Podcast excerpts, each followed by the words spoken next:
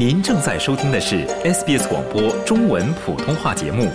更多节目内容，请浏览 sbs 点 com 点 au 闲斜杠 mandarin，或下载应用程序 SBS Radio App。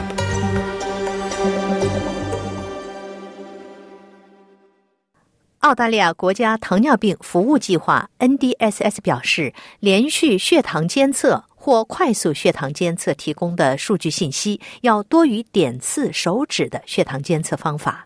它可以帮助糖尿病患者将血糖水平保持在健康范围内。澳大利亚政府通过 NDSS 为符合条件的人群，包括一型糖尿病患者，提供连续血糖监测或快速血糖监测设备补贴。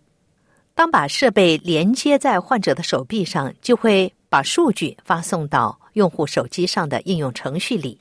不过，现在一些制造商正在向公众推销他们的设施，并宣称所有用户都可以实时了解他们的身体对不同食物的反应，从而进行可持续减肥，并改善他们的整体健康状况。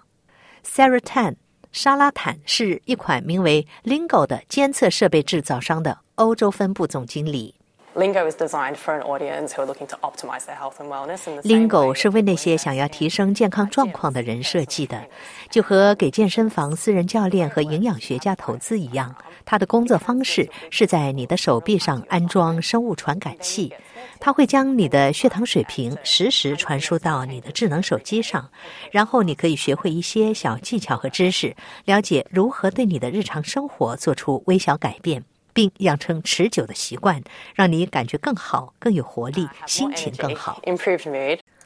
澳大利亚的一家公司目前正在以两百二十九元的价格提供连续血糖监测和设备支持。表示它能够帮助患者进行减肥和进食，并优化能量水平、睡眠和健康状况。注重健康的女企业家、两个孩子的母亲克莱尔·里奇已开始在英国使用一款传感器。她说，在过去的两年中，她一直在试用各种监测设备。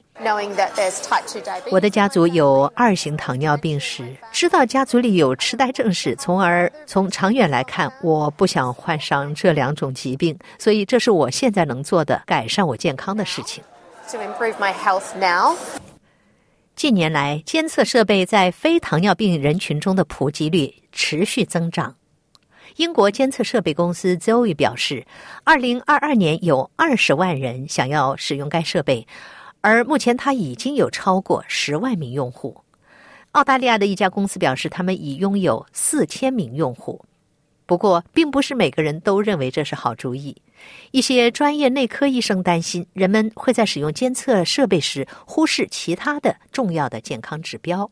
希瓦尼·米斯拉希瓦尼·米斯拉博士是伦敦帝国理工学院的顾问。他说：“过度关注新陈代谢的某个指标，比如葡萄糖，一个人可能会忽视他们新陈代谢和健康的其他方面，比如血压、胆固醇水平或体重。它还包含很多其他因素。你知道我们对自己健康的感受。”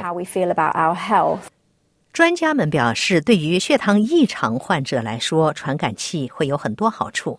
但值得注意的是，它并不总是像手指穿刺检查那么准确，而且一些人可能需要一段时间才能习惯这项技术。同时，它要求永久佩戴传感器，而这并不适合所有人。医生警告，对于没有血糖问题的人来说，这些数据可能令人疑惑。悉尼内分泌学家 Is Smith 伊茨史密斯博士在 Instagram 上发帖说，购买 CGM 的非糖尿病患者可能不知道非糖尿病患者血糖水平的正常范围，也不了解血糖水平是怎样作为身体自然过程的一部分有上升有下降的。在 Instagram 帖子中，他写道。低升糖指数的饮食、低加工食品无疑对长期健康是有益的，但我们真的需要通过连续血糖监测仪来明白，苹果和水通常比三层巧克力薄荷和软饮料更健康吗？这个连续血糖监测仪的主要的优点是，人们从饮食中培养好奇心。并学习和了解哪些食物是低升糖食物，哪些不是。想在 SBS 当一回影评人吗 SBS On Demand 正在推送配有中文字幕的热门影视作品。您只需观看一部或以上影视作品，并把影评观后感发给我们，就有机会赢得一份 SBS 精美礼品。